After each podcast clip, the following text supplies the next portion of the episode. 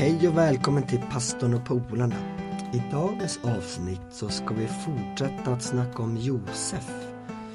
Vad hände egentligen med Josef och hans bröder som vi snackade om i förra avsnittet? Och eh, ja, man kan ju lyssna på det här avsnittet men man kan också lyssna på förra för att, för att få hela, hela berättelsen. Men först så ska vi höra hur veckan har varit. Ja, ehm, det har inte varit så mycket speciellt. Jag har jobbat och, och satt och tänkte på vad jag gjort. Men ja, jobbat och hållit på. Jag har varit lite sjuk så att min röst är lite svajig som det kanske hörs. Ja, någon gång måste man vara det, ja. Men jag hade ju corona nyss. Hade jag, just det. Det var nitlotten då. Nej, men jag, jag har faktiskt börjat bygga en bastu. Så det är intressant. Jag har aldrig gjort förut, så det är något nytt. På en släpvagn dessutom. På en släpvagn, ja. precis. Så det blir spännande. Ja, nu själv har man haft finbesök nu snart en vecka. Eh, Så det har varit trevligt. Ja, just Med foten då? Eh, Det går framåt fortfarande. Är det bättre liksom? Bättre, bättre, bättre? Ja, lite bättre. Det är inte lika, känner inte av det lika mycket under dagen. Normalt, du kan liksom nästan gå normalt. Ja, det kan gå ganska normalt. Ja, Tror jag i alla fall. ja det, är det, ja, är det också. Sätt upp en kamera, filma när det går. Ja. Du kan inte springa då. Nej, det kan jag inte. Cykla kanske går. Ja, det kan jag. Det är nice. Har vi småsnackat klart. Eh, vi tar väl en kort sammanfattning från förra gången om Josefs liv hittills. För det, vi kom ju bara en bit då. Men eh, ja, han blev ju såld som slav av sina bröder till Egypten. Det var ju en, en grej. Ja. Han hade ju, jag tänkte han hade ju den här eh, drömmar. Två konstiga drömmar som vi kommer tillbaka till. Det var väl de som gjorde att han blev, att han blev, hans bröder blev irriterade och att de sålde han till slut. Och sen när han kom till Egypten så hamnade han i fängelse där. Eh, och först blev han ju, eh, fick han ju bara bättre och bättre ställning. Men sen hamnade han i fängelset och där var det en bagare och en, en vinsmakare. Och de där bagaren och vinsmakaren hade två olika drömmar som eh, Josef eh, kunde uttyda. Och de skulle betyda att en av dem skulle dö och en av dem skulle få leva. Den som fick leva kom ju tillbaks, kunde göra det som han hade gjort innan han kom i fängelse. Ja, och det var Josef som här Eh, nu var det inte Josef som hade de här drömmarna men han tydde de här drömmarna. Men eh, om vi spolar lite framåt nu då. Vad hände med Josef sen eller nu efter det här? Ja, efter eh, att han hade liksom tidigt de här drömmarna i fängelset så fick ju Farao också en dröm. Och, och det handlade ju om eh, sju stycken kor. Eh, två, två gånger kom de här korna då. Första gången var korna feta och eh, tjocka och sen kom det eh, sju kor till, men de var magra.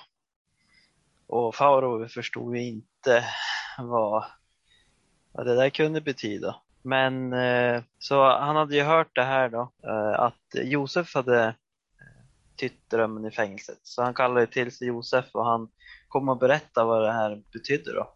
Och det betyder att sju år så skulle det vara mycket mat, de skulle få stora skörder och, och så. Och sen skulle det komma sju magra år, alltså hungersnöd. Det skulle utbreda sig ja, över hela, jag vet inte, då kända världen höll jag på att säga. Men, eh, men eh, ja, alltså det skulle bli magert. Och då kom Josef med ett förslag om att man skulle samla in och spara eh, under de goda åren. Ehm, och det här eh, ska vi läsa eh, vad Farao sa till det här förslaget. i Första Mosebok 41, vers 37. Josefs förslag togs väl emot av farao och hans tjänare. Farao sa då till sin tjänare, finns det någon som har Guds ande, så som denne man? Farao sa till, sedan till Josef, eftersom Gud har uppenbarat allt detta för dig, finns det ingen som är förståndigare och visare än du. Så från fängelset och rätt upp i, i toppen. En kometkarriär. Jajamän. Ja, hur kom han från fängelse då? Fick vi fram det? ja, han blev ju hämtad för att tyda drömmen som farao hade. Va, ja, var, varför blev jag hämtad då? Vem var det som sa att Ja, det var ju bagaren som, nej, han är död? ja, vinsmakaren menar. För han kom ju på, för eh, han skulle ju ge ett gott ord för Josef, men det hade han ju glömt. Så, men då kom han ju på det senare i alla fall. Så tur det var. Det var ingen annan som kunde uttyda drömmen. Nej, precis. Sen då? Då hade Adam då, eller var du klar Nathaniel med det du hade tänkt? Jo, jajamän. Det är ju så här, inte fun fact kanske, att, att det står i vers 46 i samma kapitel, då kapitel 41, att Josef var 30 år när han stod inför farao. Så att när hans eh, stor eh, verk började så var han 30 år, alltså lika gammal som Jesus var när han började. Och det är intressant också för att liksom Josef var ju först och tusentals år senare, för det här är tusentals år senare. Alltså Egypten eh, var jättegammalt. Det var ju antikt på Jesus tid. Men när Jesus var 30 år så är det ju han som blir en liksom eh, kopia, inte kopia men han blir som en, eh, liksom, man tänker tillbaka på Josef, han var 30 år.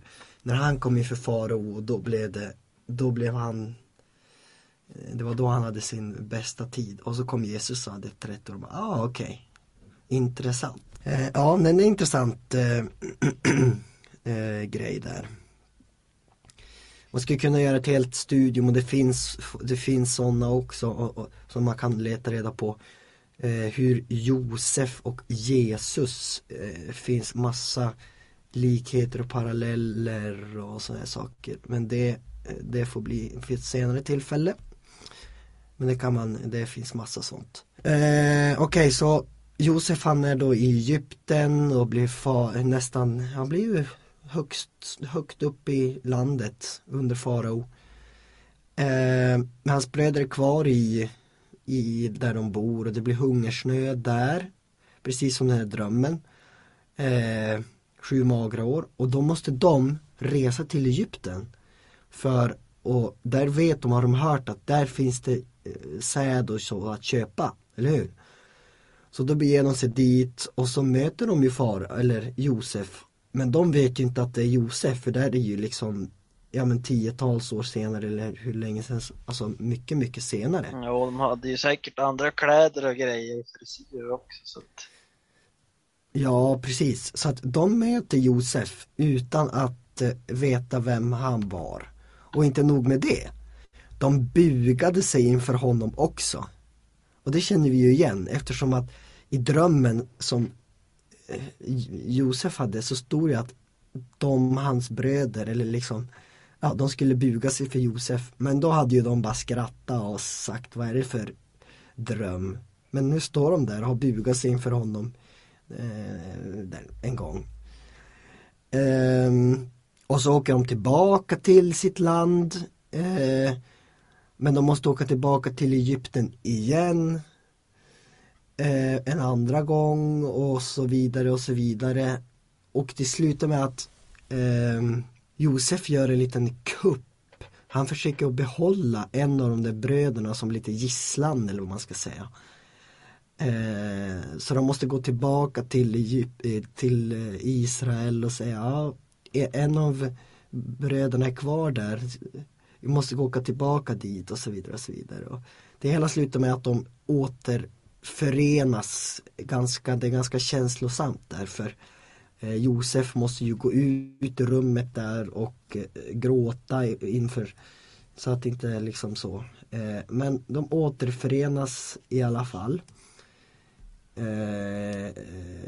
på, ett, ja, på ett ganska lyckligt sätt egentligen. Och så sen träffar de sin pappa igen. Och det intressanta är att i början när man läser om Josef så stod det att Josef föddes på sin fars ålderdom. Och nu, ja men ja, jag vet inte hur långt, men nu är ju jo, hans far typ väldigt, alltså gammal och ännu äldre. Och ska göra en sån här lång resa till, till Egypten. Men de får träffas igen.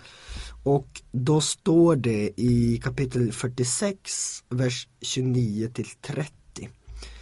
Jakob sände Juda i förväg till Josef för att hitta fram till Gosen. När de kom till Gosen gjorde Josef sig beredd med sin vagn och mötte dem där. Så snart han fick se sin far kastade han sig i hans famn. De kramade om varandra och grät länge. Sedan sa Israel till Josef. Nu är jag beredd att dö för jag har sett dig igen och vet att du lever. Att det är ju helt, vilken historia. Eller vad säger ni? Ja, helt mållös. Jag tänkte lite på den här berättelsen om den förlorade sonen nu när jag bara läste det här. Mm. Ja, det är... Lite, det är lite samma eh, tema och tanke. Fast eh, jag tror att han hade gett upp liksom och få träffa Du menar pappa? Josef visste ju liksom att han kanske var vid liv och liksom Nej, pappan trodde att han var så död. att det måste vara en större överraskning för Det står ju i, inför att Jakob ska dö, så står det att han säger i kapitel 48, vers 11. eh, Och Israel sa till Josef, jag hade inte trott att jag skulle få se ditt ansikte, eh, men nu har Gud till och med låtit mig se avkomlingar av dig. Ja, för han har ju två barn också. Till och med barnbarn. Så han trodde nog att han var död. Ja, för tänk dig, Josef eh, visste ju inte om hur länge hans pappa hade levt. Om han var gammal redan då. Och eh, Jakob eller Israel, det är samma person då. Visste ju inte, han trodde Josef var död.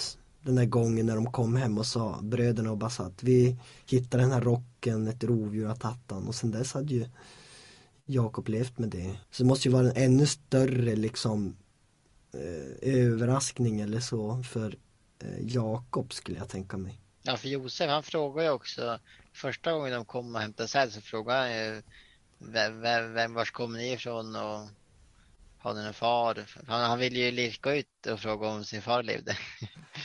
Så han, han var inte så dum.